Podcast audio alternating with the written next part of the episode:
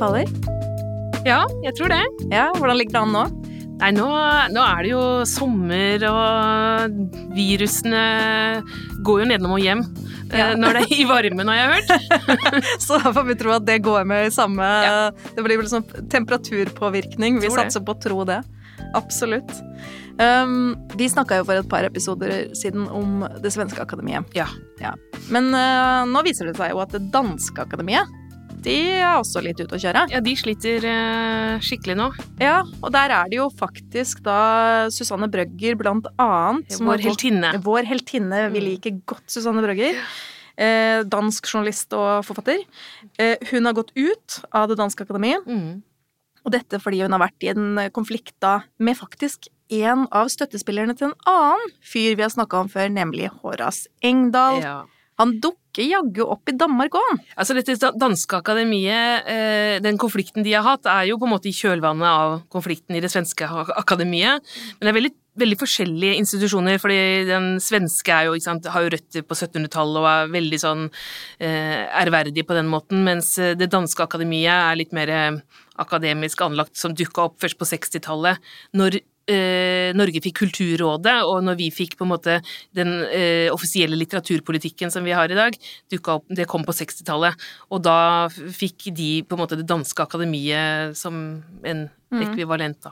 Men jeg føler jo at de har litt mer den etterligningen også av det svenske akademiet, fordi at du sitter på livstid, Ja.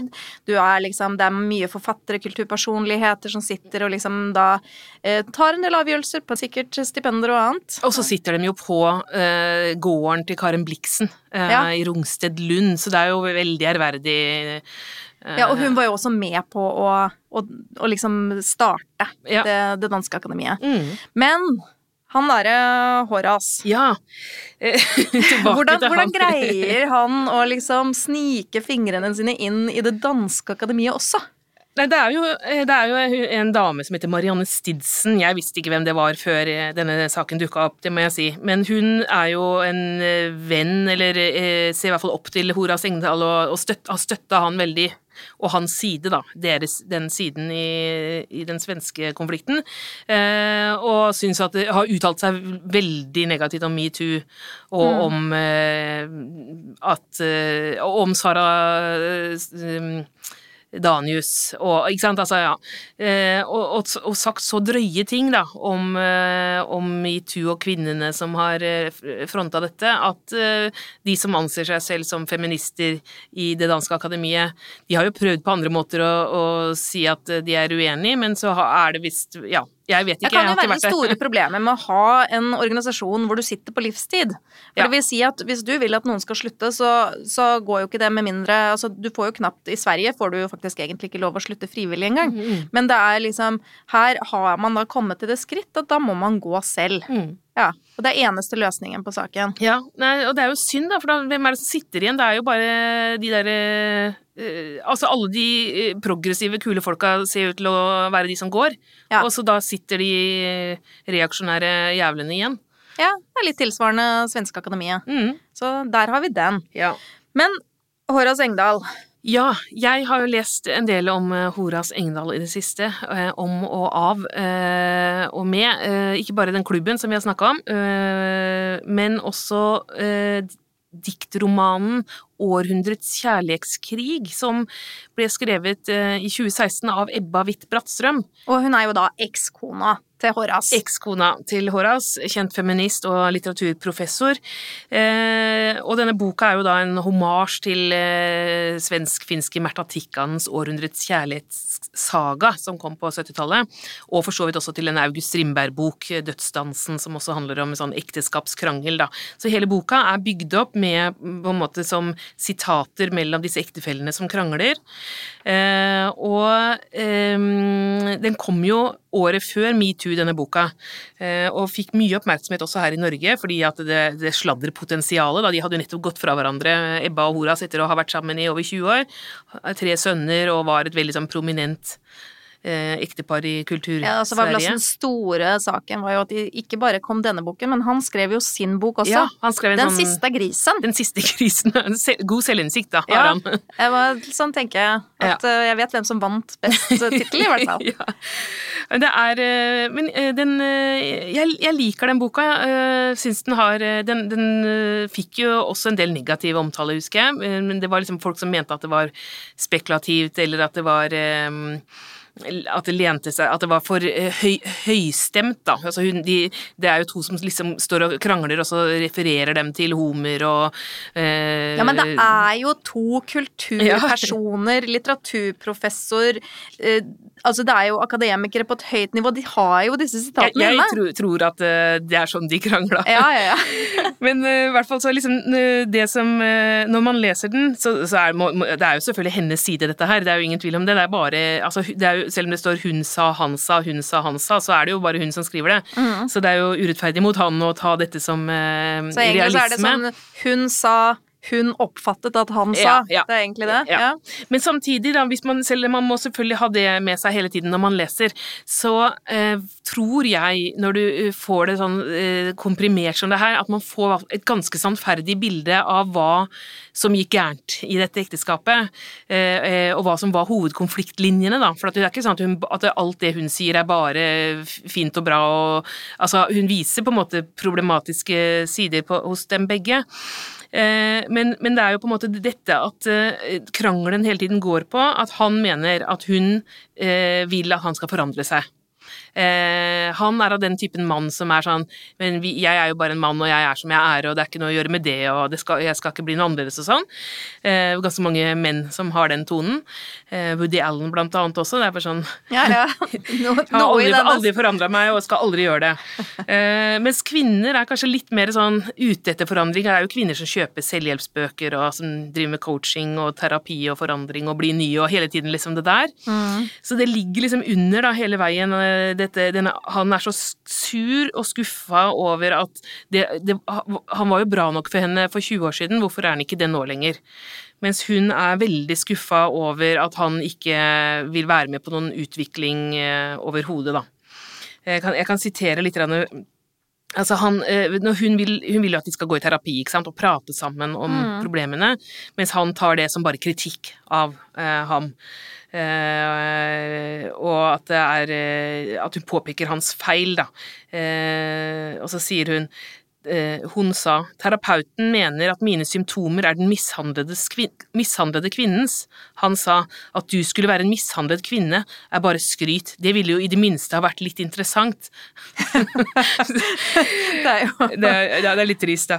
Eh, ellers er det noen sånne fine ting som at hun sier eh, at klive omkring i ruinerne av et livslangt forholdende og mistenke at der aldri sto et gemensamt bygge. Så det er på en måte hennes sorg, da. At hun er jo full av skam. Fordi at eh, fyren er jo på en måte Har jo markert seg som en av de store sexistene etter hvert, sånn, i, i sin egen eh, diktning også. Eh, og hun som da kjent feminist eh, føler jo at hun har svikta søsterskapet, og, hvordan, og, og at hun har vært med å Hva heter det? Å være sånn medberoende. Medberoende, ja. Ja, eh, og, og bidra til å dyrke hans figur, da. ja.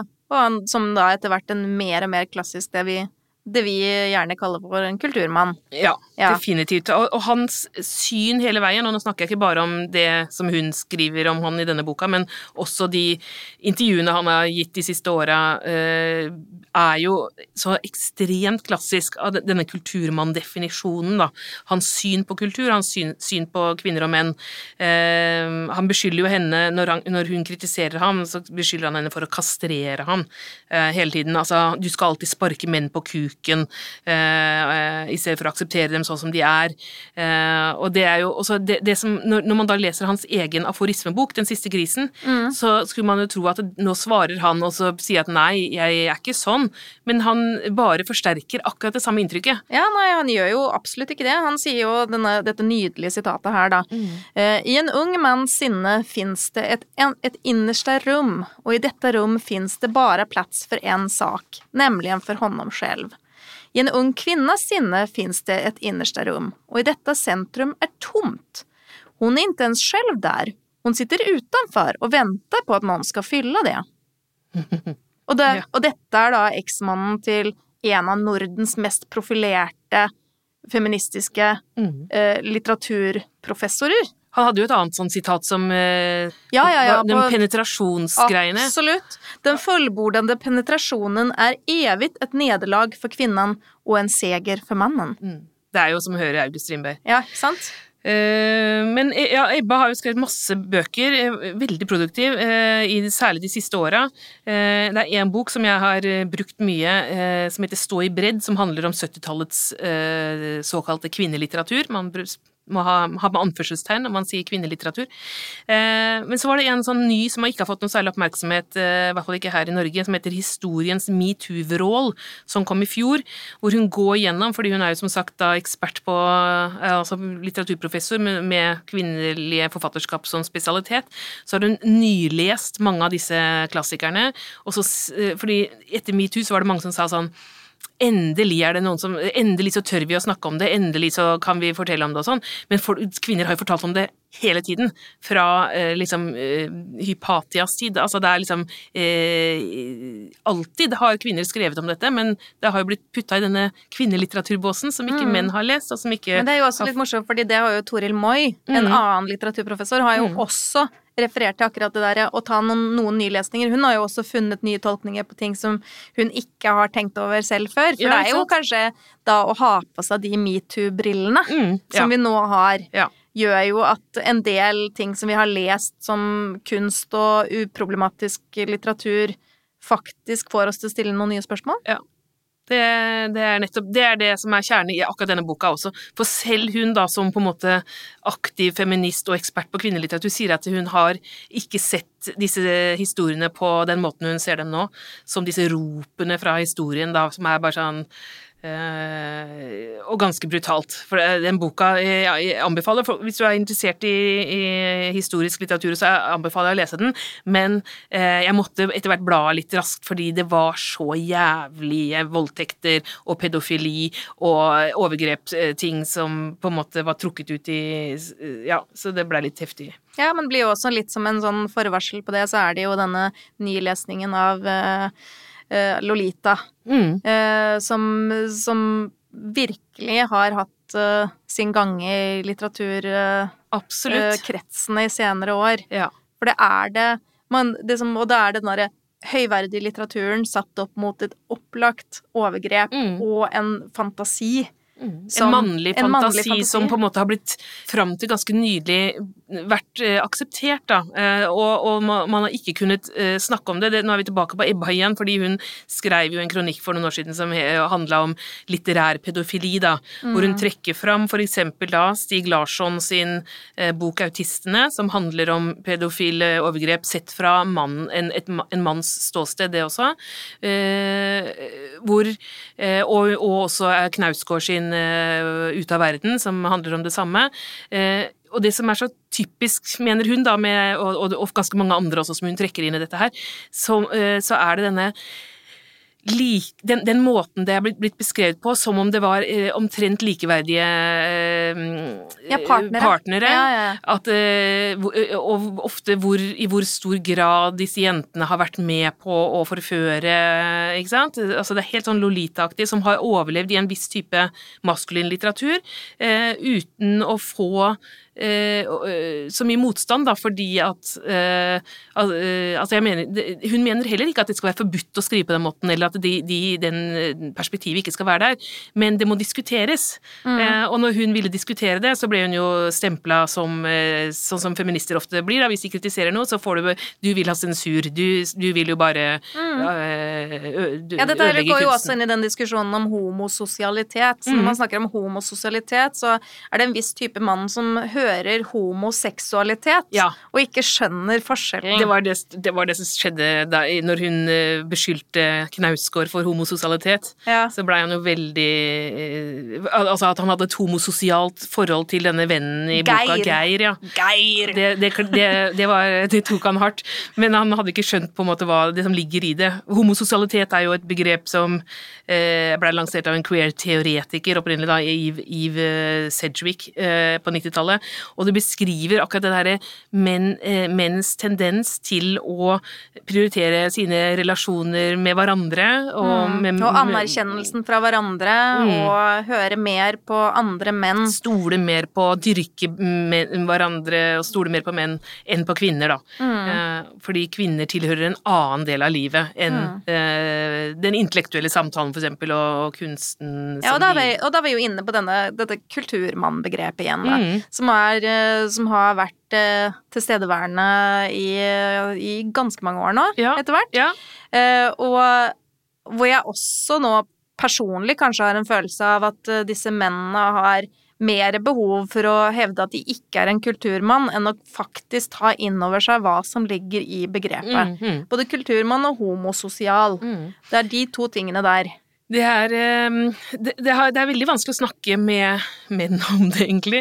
Eh, kanskje det, altså det, det kan hende at det forandra seg litt, for dette dukka jo opp, også opp før metoo. ikke sant? Og at Mhm. bevisstheten rundt disse spørsmålene, eh, og eh, for eksempel ikke sant, når man leser om den eh, krisen i det svenske akademiet, så ser man jo dette veldig veldig tydelig. Hvordan disse homososiale bromance-bånda på en måte eh, blir en sånn taushetskultur eh, også, Mm. eh, og holder visse historier ute, da, eh, Ja, av eh, Selv om det virker fra vår side helt urimelig mm. at man skal velge å, å gå i den retningen. Jeg, jeg husker når dette begrepet dukka opp, da, kulturmann, det er fem år siden eller sånn, i Norge, det kom jo fra Sverige selvfølgelig, og, og da var det Morgenbladet, de, var, de skulle skrive om dette, og så var de veldig ville de at feminister i Norge skulle liksom oute kulturmannen, da. Ja, Så de skulle at, si hvem det var. Hvem er det, liksom? Ja, og sånn at de Eh. kunne i sin tur da gjerne intervjue Ja, denne Så han kunne forsvare seg, liksom. Så det var litt sånn eh, Så de, de var jo sikkert De ville sikkert at vi skulle si Knausgård. Ringte jo meg også da at mm. Hvem er kulturmannen? Si Knausgård. gi meg et navn, liksom.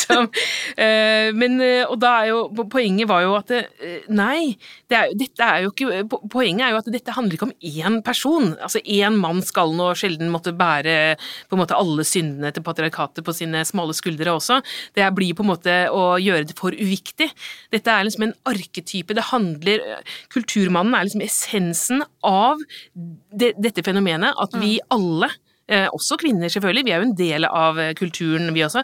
At vi alle eh, har en, eh, syns det er lettere å genierklære menn, name-droppe menn, eh, ikke sant? Fordi At vi har en tendens til også å henge rundt menn. Ja. Ja, og, og gjerne Vi ha den andre. jo. Vi liker de godt, Ja. mange av de. Og så jeg syns jo også at det er fascinerende at, at mange av de som har liksom disse egenskapene som jeg ville tillegge en kulturmann, også gjerne utroper seg selv til å være feminist. Mm. De liksom bærer det som en slags medalje på brystet, og, så, og fordi de har den medaljen på seg, så ser de ikke hva de gjør. Nei, og det er jo på en måte sånn som menn på eh, hele venstresida stort sett alltid har gjort. De, de har på en måte forstått det, fordi de tør å kalle seg feminist eller, eller er opptatt av likestilling. Eh, og så blir de, altså er de helt blinde for hvilke strukturer de er en del av, fordi de tenker at det gjelder jo noen andre menn, da. Eh, på høyresida, for eksempel. Jeg skriver eh, Jeg har et sånt lite Jeg må sitere meg selv, er det lov? Det er Eh, lov. Her er, her er alt lov. ja, eh, om, eh, om eh, dette kulturmannbegrepet. Jeg skriver når kvinner i kulturlivet snakker om kulturmannens privilegier, betyr det ikke at vi hater ham eller fantaserer om å utrydde ham. Eh, absolutt ikke. Vi kjøper bøkene hans og leser det han skriver. Vi lytter når han snakker. Noen ganger applauderer vi, andre ganger protesterer vi. Iblant lever vi av ham. Eh, har vi tatt et glass for mye, hender det at vi ligger med ham. Det eneste som aldri skjer, er at vi overser ham, slik han overser oss. Og det er jo en eh, riktig oppsummering av følelsen som jeg tror ganske mange har. Og en av de som har virkelig tatt tak i dette kulturmannbegrepet, er jo forfatter Ellie Siv Ja, jeg har med den pamfletten her. Den er jo liten og søt fra Flamme forlag. Kom for noen år siden. sam samleobjekt. Mm. Og etter hvert, det ble jo bare trykket i ett opplag. Med personlig hilsen fra Elise. Veldig fint. Ja, nei, den, den Det er jo et langdikt. Eh, som et sånn langt sånn eh, rop, egentlig, eh, til kulturmannen, som ikke hører etter eh, når hun roper. Ja, fordi hun lanserte jo denne singelen på Last Train. Ja, Ja, og jeg husker jo godt den uh, lanseringen, for den settingen som hun skriver om i denne kulturmannssingelen, eller O Kulturmannen, Mm. eh, det er jo akkurat den der hvor man har en sånn boklansering, det er flere som skal opp på scenen, du har disse gutta som står på første rad og nikker og sånn idet de andre gutta leser, og så idet Ellisiv kommer på scenen, så står de plutselig bakerst i lokalet. Ja, det, hun skriver om det i denne boka her. Den, den generelle Eller muligens på Last Train, det er ikke sikkert at Ja, dette er er, Jeg det. tolker det som Ja, Last Train. Ja. ja, for hun skriver det at, eh, at den der følelsen av å ikke slippe inn til det aller innerste, da. Eh, Det helligste der hvor kulturmannen holder hoff, og det eh, kan jo være en sånn opplesningskveld som du nevner, ikke sant, hvor hun da får øye på ham, en, en kulturmann for eksempel, som står langt bak i lokalet. Så så skriver hun Hei, kulturmannen, har du kommet for å høre på meg? Men nei, han hadde jo ikke det, da, for, han, eh, for en halvtime siden så hadde han stått sånn foran og lytta, for da var det en mannlig kollega som sto på scenen, men når det ble hennes tur, så, så står han bakerst i rommet og prater med andre kulturmenn. Eh, Så skriver hun videre om dette suget da, etter å bli hørt av disse menneskene som noen sier sånn, ja, drit i om han hører på, da, det er jo masse damer som hører på. Jo, jo men det er ikke det det går ut, det er ikke det det handler om. Det handler om hvem er det liksom som setter dagsorden i et miljø. Alle vil jo liksom være med i samtalen der hvor den eh, eh, pågår, eller i den kretsen hvor det liksom skjer. Man være med på å definere. ja, Det er jo det det handler om. Mm. Det er hvor folk liksom lytter til hverandre og leser hverandres tekster og kommenterer dem etterpå fordi de faktisk har lest dem. Så hun sier ja, jeg har ikke tilgang til det ypperste, det øverste, deg. Så det er, eh, men så kommer hun videre også, det er ganske gøy det diktet, at eh, det kommer jo videre en sånn ambivalens i akkurat det som jeg var inne på.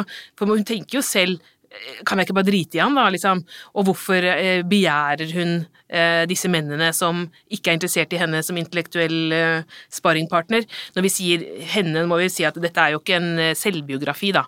Nei, så det jeg føler jo at hun er, hun er kulturkvinnen, da. Ja, Så hvis du har en kulturmann, så har du jo kanskje en kulturkvinne òg. Ja.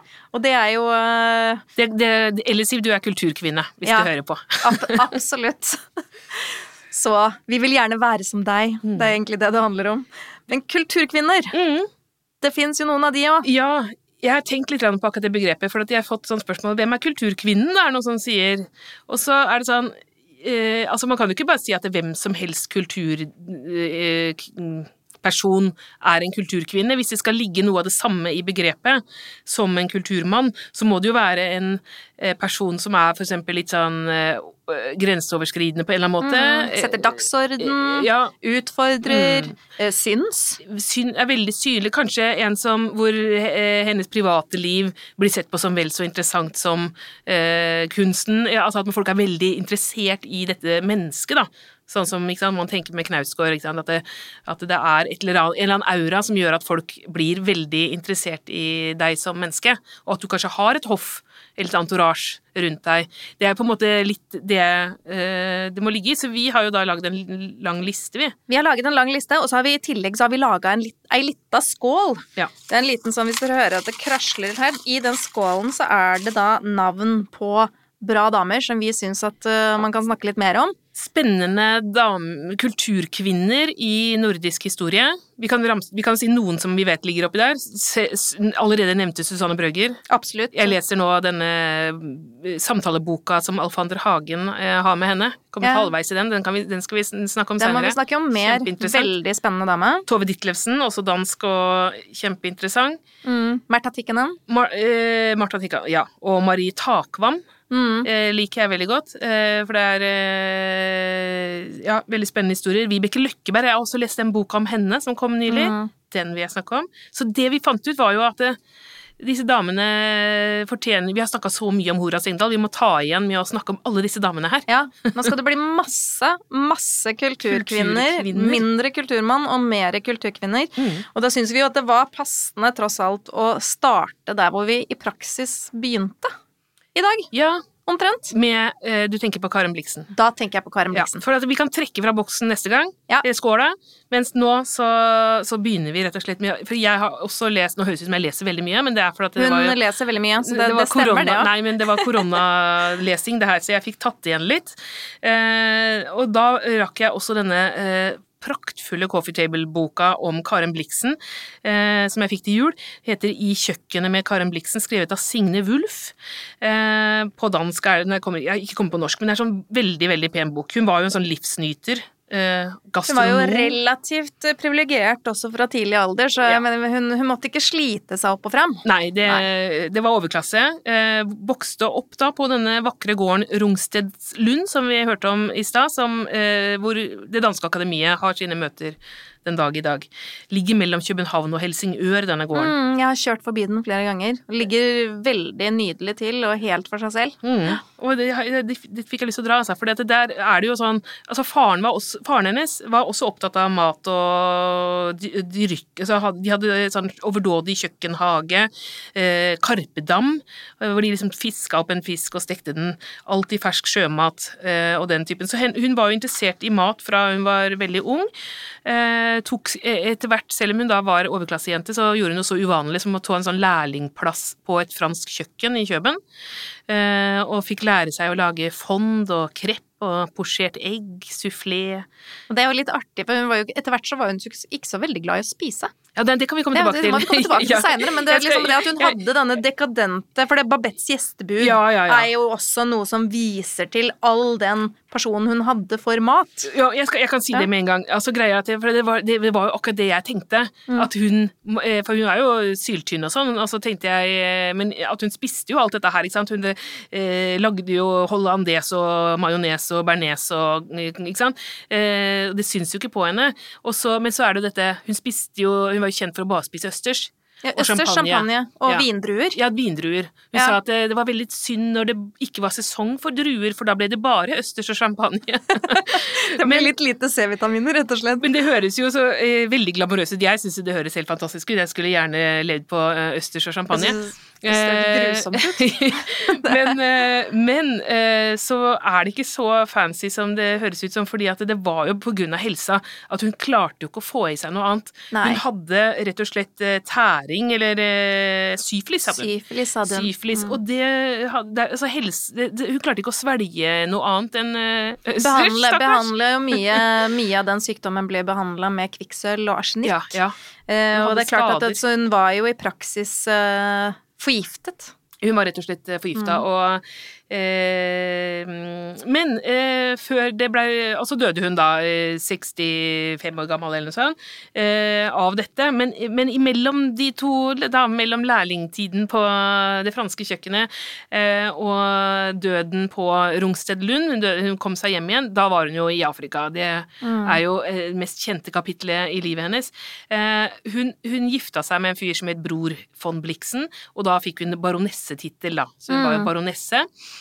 Hun var egentlig forelska i tvillingbroren hans. Eh, Ja, faktisk en veldig langvarig forelskelse. ja, Og de hadde visstnok også et ganske pasjonert forhold der ja. eh, i hennes ungdom. ja, eh, Ja. men hun fikk jo ikke han, da. Nei. Eh, så da måtte det bli nest best. Men jeg syns det var litt artig, for jeg leste nemlig det at noe av grunnen til at hun ikke fikk gifte seg med han, var klasseforskjellen.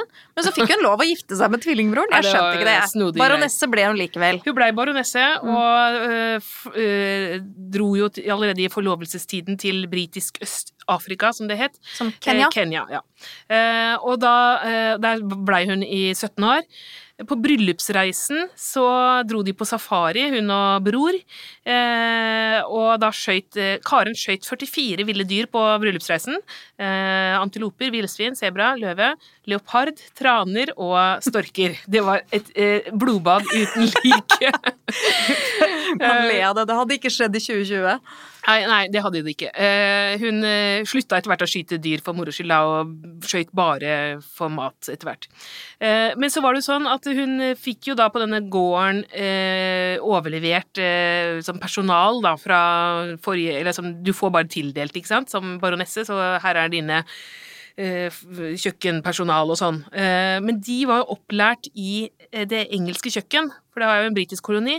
Eh, Og hun hata jo engelsk mat, som, eh, som så mange andre gjør. Det er jo ikke derfor vi reiste til England. Nei. Det kan vi være enige om. da. Så, så hun eh, bestemte seg da for at ok, da får jeg lære opp disse folka i ordentlig mat og fransk kjøkken og sånne ting. Så hun eh, bretta opp arma og, og, hadde, og bare blei på en måte mer eller mindre kokk på sitt eget kjøkken, sammen med, og fikk jo da en veldig sånn unik til den tiden å være, eller den klassen å være, forhold til eh, disse folka som jobba på gården, da.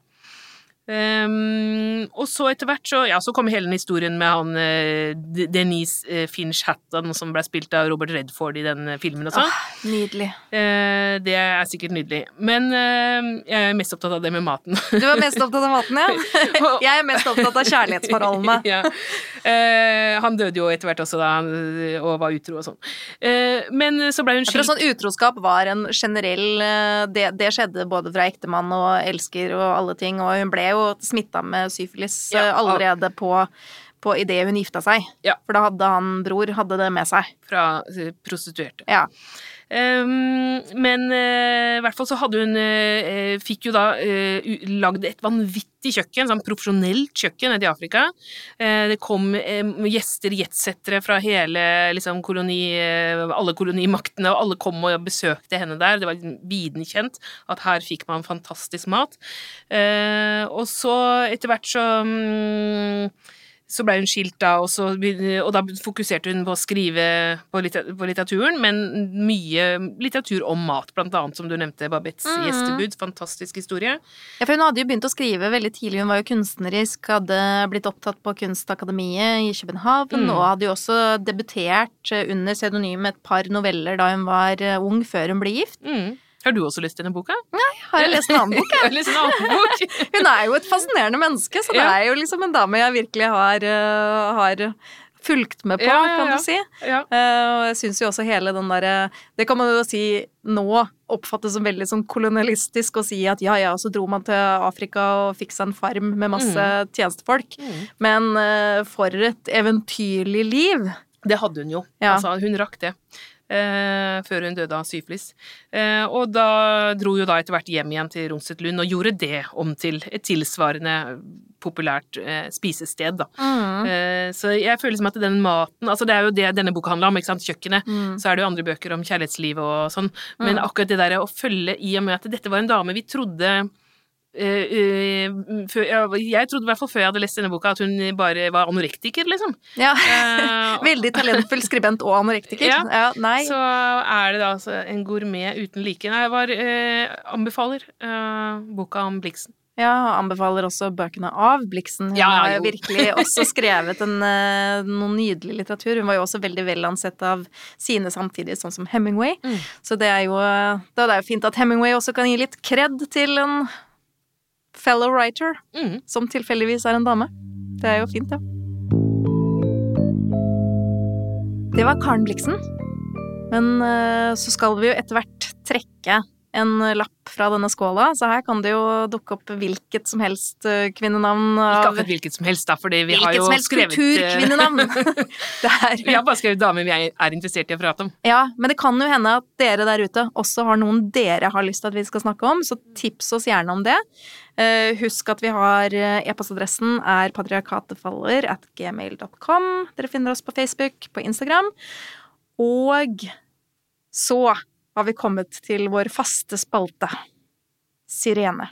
Sirene ja. er jo dette feministbladet fra 70-tallet som jeg driver og leser uh, gjennom alle årgangene fra, og det er jo mye gøy å se, og, mye uh, overraskende, for det er jo intervjuer med folk som fremdeles er aktive, og som kanskje ikke mener akkurat det samme i dag, eller kanskje i hvert fall ikke ville uttrykt seg på samme måte i dag som de gjør, gjorde på 70-80-tallet. for eksempel Ole Paus, som da blir intervjuet i Sirene 1981. Um, og det Og 1981, det er igjen Jeg kommer til å si dette mange ganger ikke så lenge siden. Ikke så lenge siden Nei. som dette høres ut. Eh, altså, det er jo da han eh, Sirene spør han da etter en Han har sagt en del ting om kvinners plass i samfunnet. Og... Men det er jo litt interessant at han ble intervjua i Sirene. Man skulle jo tro at Sirene da intervjua folk som kanskje hadde litt sånn feministisk perspektiv ja, på ting. Ja, men de, de, prøvde jo også å få opp debatter, ikke sant. Og han ja. hadde uttalt seg om kvinnens plass, eh, og de følger opp den saken. Eh, og, og spør da En kvinnes plass er altså i hjemmet, da. Det er som oppfølging av det han har sagt. Ja, svarer Paus. Eh, jeg mener at en kvinne bør avstå fra å ta jobb mens barna er små. Og hvorfor absolutt gå ut av hjemmet? Samfunnet skriker etter hjelp, det må da være en mengde oppgaver å ta fatt på som hjemmeværende. Et verdifullt liv betyr ikke alltid et yrkesaktivt liv. Det nytter ikke at dere vil oppløse de nåværende former uten å se konsekvensene av det. Dere, altså. Dere. Og med dere så må det vel være da Sirene og Ja. Den frigjorte kvinnen. den frigjorte kvinnen, ja. Så det, det kommer litt inn i det som jeg var inne på i stad, med disse venstresidemennene som vi på en måte eh, Selv om de sier sånne ting, så har vi på en måte et inntrykk av at de er på vår side. ja. Uh, Men nå vet vi jo med Ole Paus at han, han har jo et forhold til denne museideen. Ja, ja. Kan det virke som, og han har jo Ja, også du vært tenker han skifta ut eh, kvinner med når de sånn jevne mellomrom. når, ganske når deres sånn jevne eh, mellomrom. kunstneriske påvirkningskraft er ut, oppbrukt. Ja, muligvis. Ja. Eller deres rolle som Nei, jeg, jeg vet ingenting om kjærlighetslivet til Ole Paus, men Nei. jeg syns iallfall at dette lova ikke så, Det lovte ikke så godt. Nei. Vi håper for Ole Paus skyld at han har uh, tatt til vettet siden 1981, og nå kanskje har litt andre holdninger. Du har hørt podkasten 'Patriarkatet faller' av og med Marta Breen og Anette Garpestad. Teknikk og musikk ved Margarita Krimici. Og utgiver er Cappelen Dam Forlag.